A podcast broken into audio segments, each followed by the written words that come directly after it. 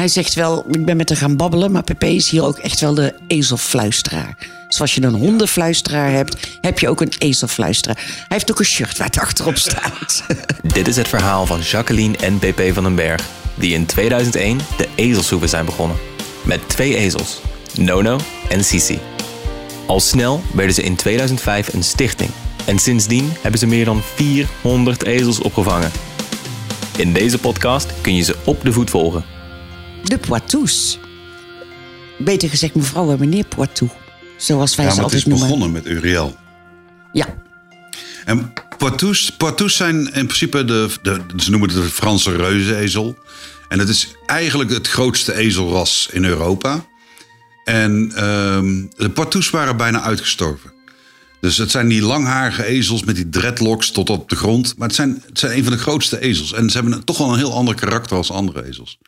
Maar ze waren bijna uitgestorven, want in 1970 waren er nog maar 500, nee 50 50 hengsten. ja, er waren nog maar 50 hengsten. Dus met het, van het echte originele ras. Ja.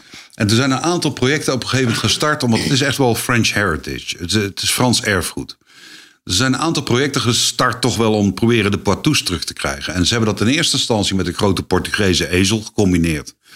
En eh, de veulens daarvan die waren 50% Poitou, 50% Portugese ezel. Maar dan lieten ze die, die weer met een Poitou samengaan. Dus dan was het driekwart. En en na zes generaties De is het dan zevende weer, generatie ja, de is dan zevende weer generatie is dan weer een zuivere eh, Poitou. Ja.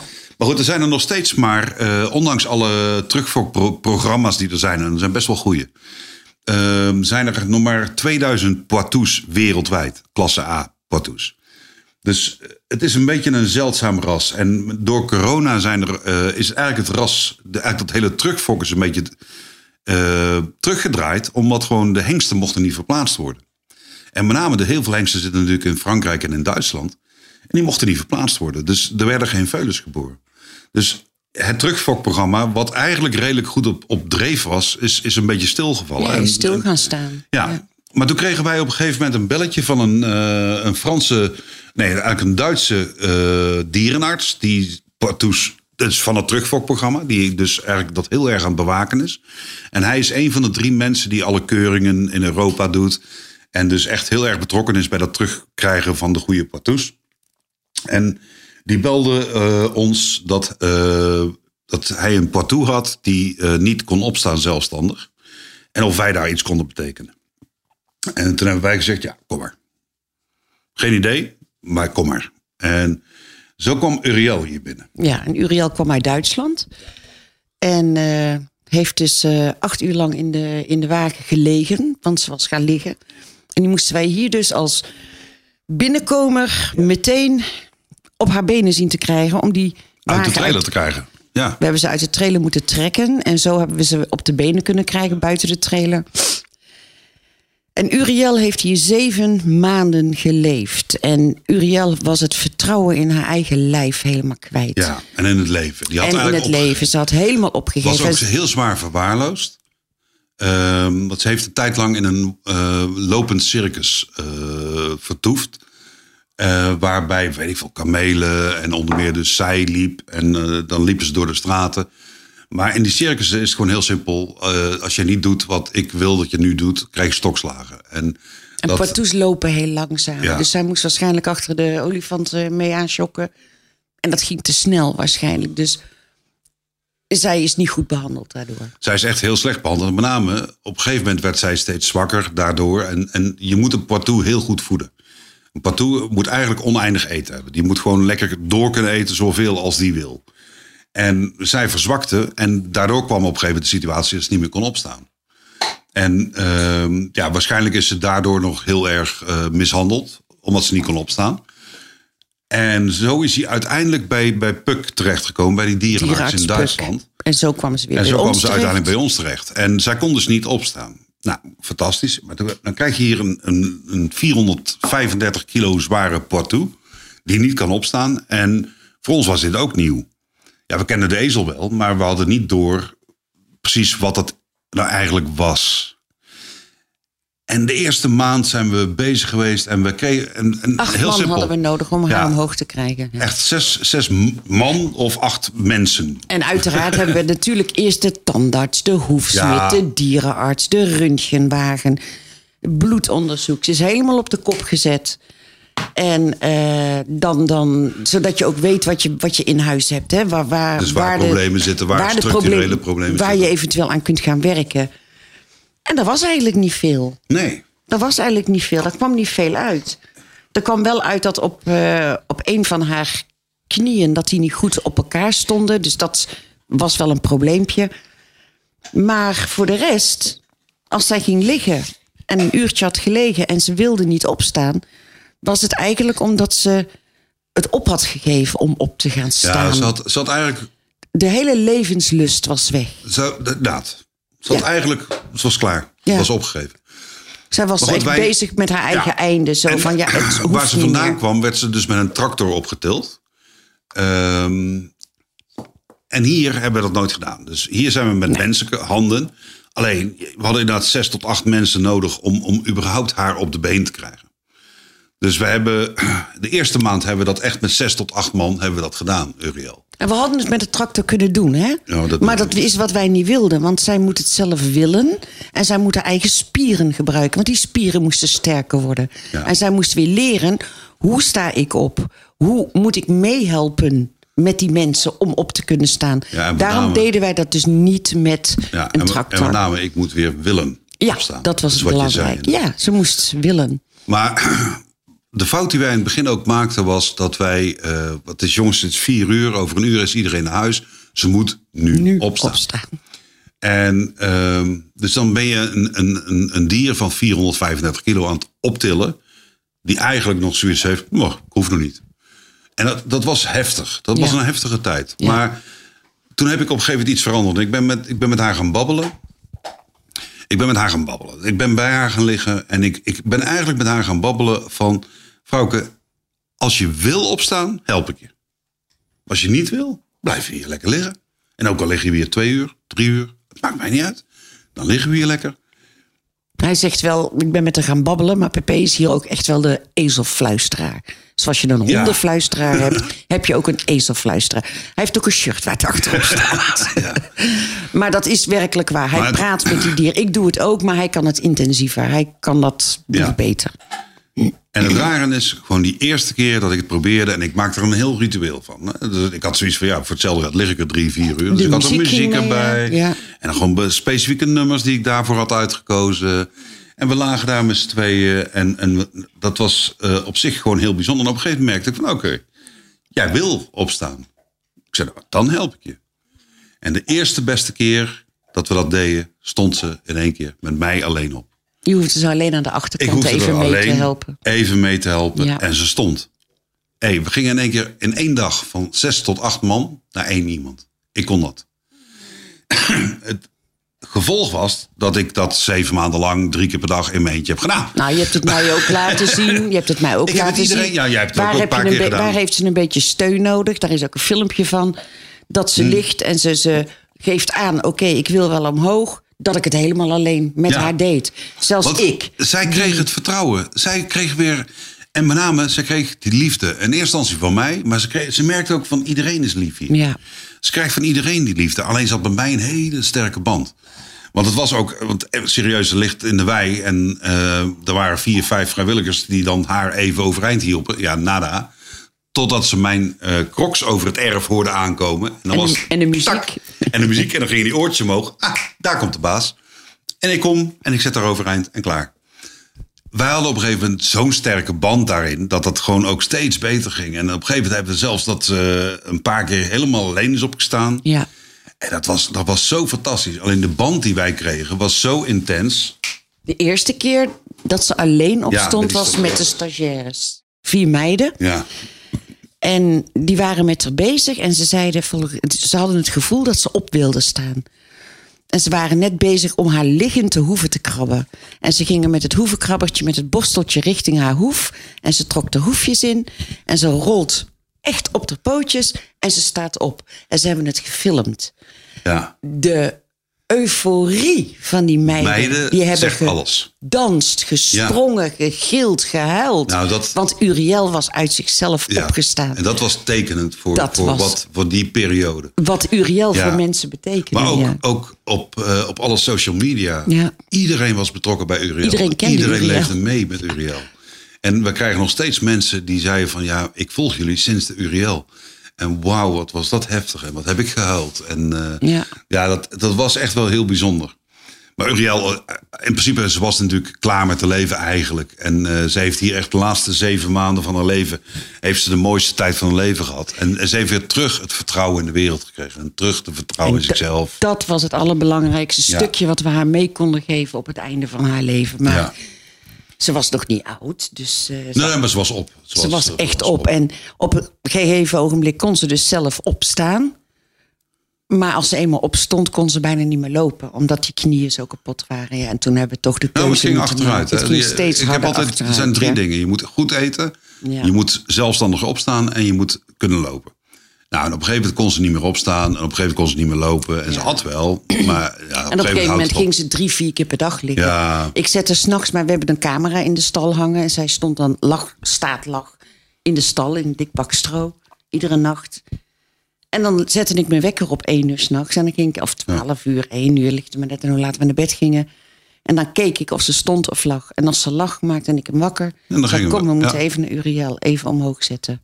En dan Want dat. ze moest ook de ontlasting, de plas. Dat wilden, ze we niet wilden doen niet, als nee, ze lag. en we wilden niet dat ze in haar eigen plas lag. Nee. In haar eigen ontlasting. Dus dan gingen we, Dan gingen we s'nachts weer, eh, even Uriel overeind, eh, even. Uriel opzetten en dan gingen Ja. we weer terug naar bed. Goed, Uriel heeft een enorme impact op mijn leven gehad. Op mijn leven ook. Ja. ja. Maar dat een meid die nooit ja, vergeet. Absoluut. Ik heb, ik heb zo'n band met haar gekregen. Dat heb ik, ik, echt, ik heb 400 ezels hier opgevangen. Bijna 400. Mm.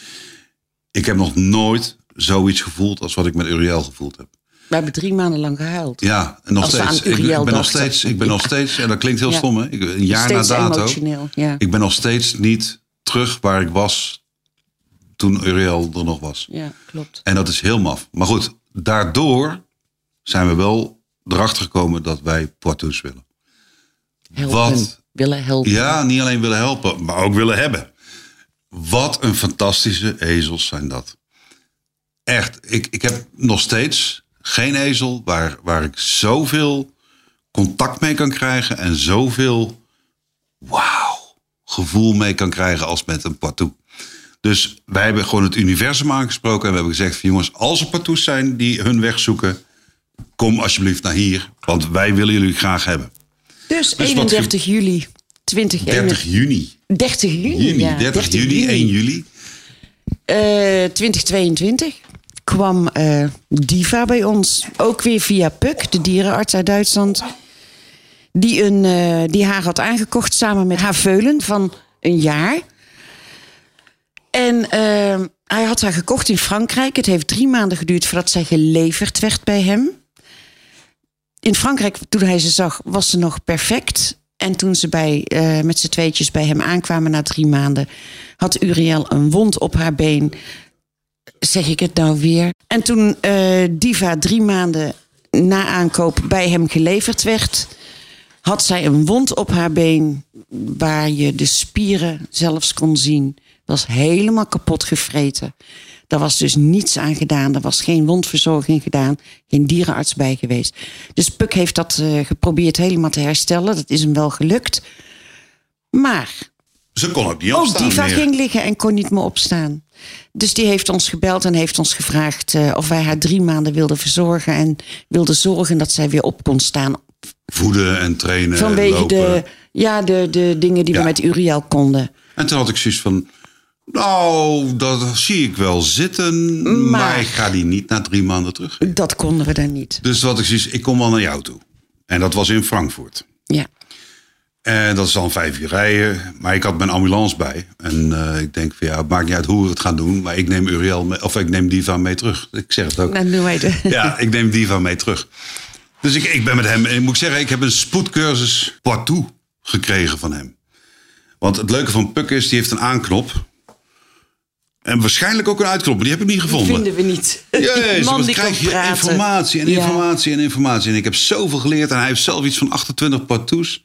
En ik ben daar overal geweest en alles gekeken. En echt heel veel kennis opgedaan over partoes. En eh, uiteindelijk ook gezegd van ja, jullie- jij weet en ik weet dat eh, Diva bij ons beter af is. Dus eh, ik ga haar meenemen. En ja, uiteindelijk Hebben we dat gedaan? hebben we dat gedaan. Maar toen hadden we Diva. En Diva is prachtig, maar het is gelukkig geen Uriel. Totaal ander Een karakter. totaal ander. Het is echt een Diva.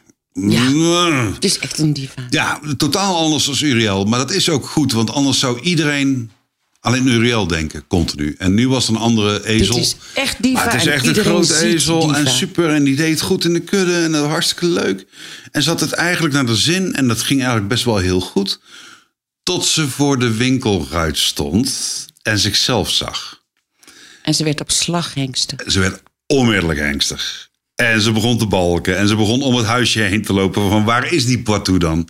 En toen had ik door van En oh, kwijlen dat ja. ze deed. Oh. Maar toen hadden we door van eh, oké, eh, alle ezels vindt ze leuk. Maar een Poitou is wat anders Zij voor ziet haar. haar eigen Ja, postuur. Ze ziet een andere ze En daar reageert ze onmiddellijk op. Ja. Dus toen hebben we eh, in onze social media, die ook door Puk, eh, de dierenarts, Gelezen gelezen wordt, hebben we weggezet van eigenlijk hebben we nog een Poitou nodig. Want. En toen eh, berichtte hij ons, terwijl we op vakantie gereden, eigenlijk, we reden net weg. Ja. En toen bericht hij ons van, ja oké, ik heb hier nog een hengst die al vijf jaar niet productief is. Wat niet handig is in een terugfokprogramma. En die moet weg, dan moet een jonge hengst kopen. En Komen en ze hadden geen plek meer. En voor. eigenlijk zoiets van, ja, ik weet het niet goed wat we met die oude hengst Als ze hem doen. teruggeven aan de fokker, is dat echt Ja, zijn dan is het En dan, slacht. dan, ja, dan wordt het slachtvee.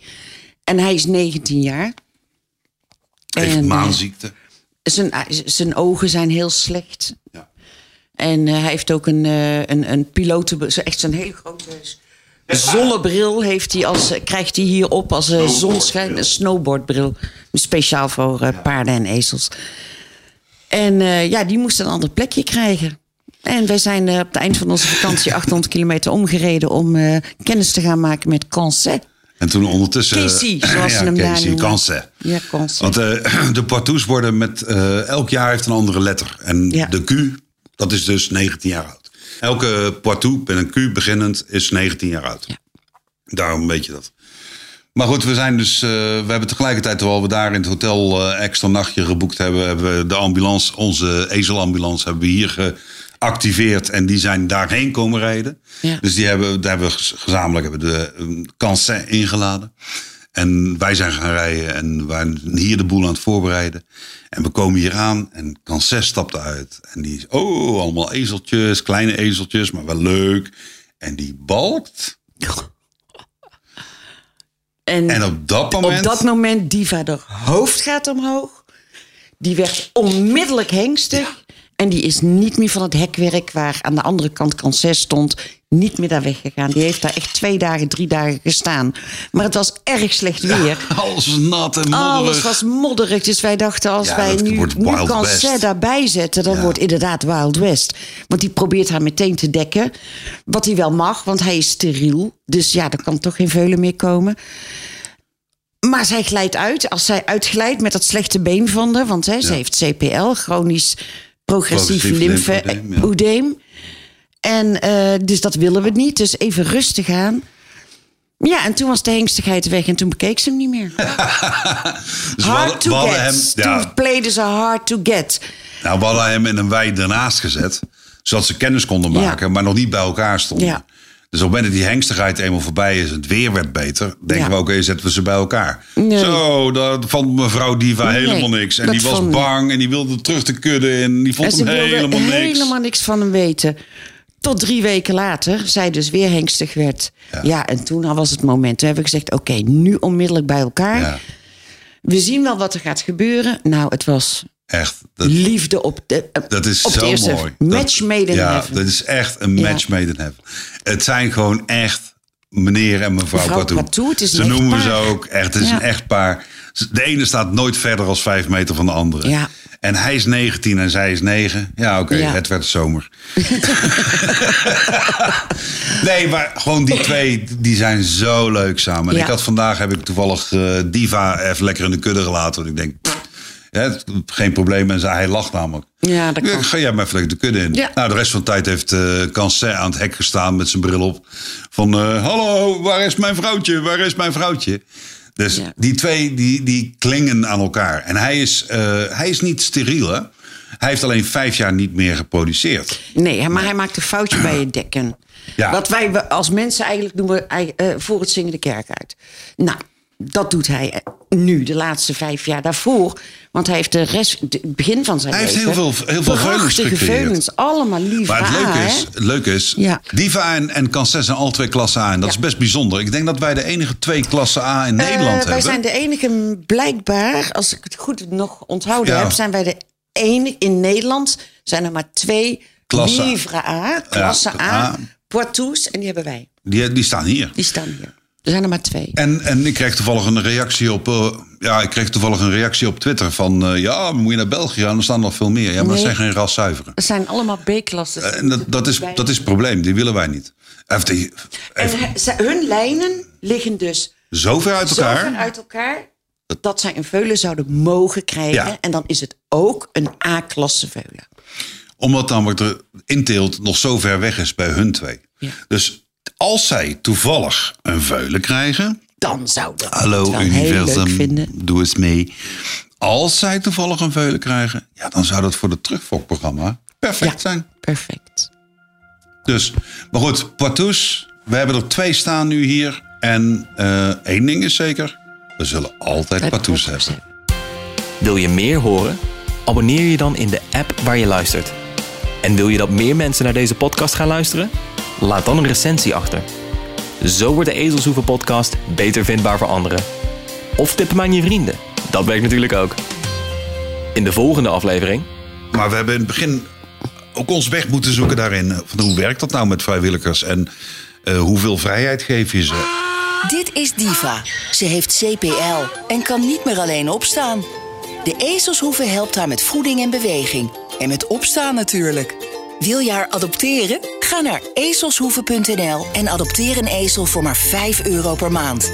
Stichting De Ezelshoeve is een 100% vrijwilligersorganisatie. Dus al het geld gaat naar de ezeltjes.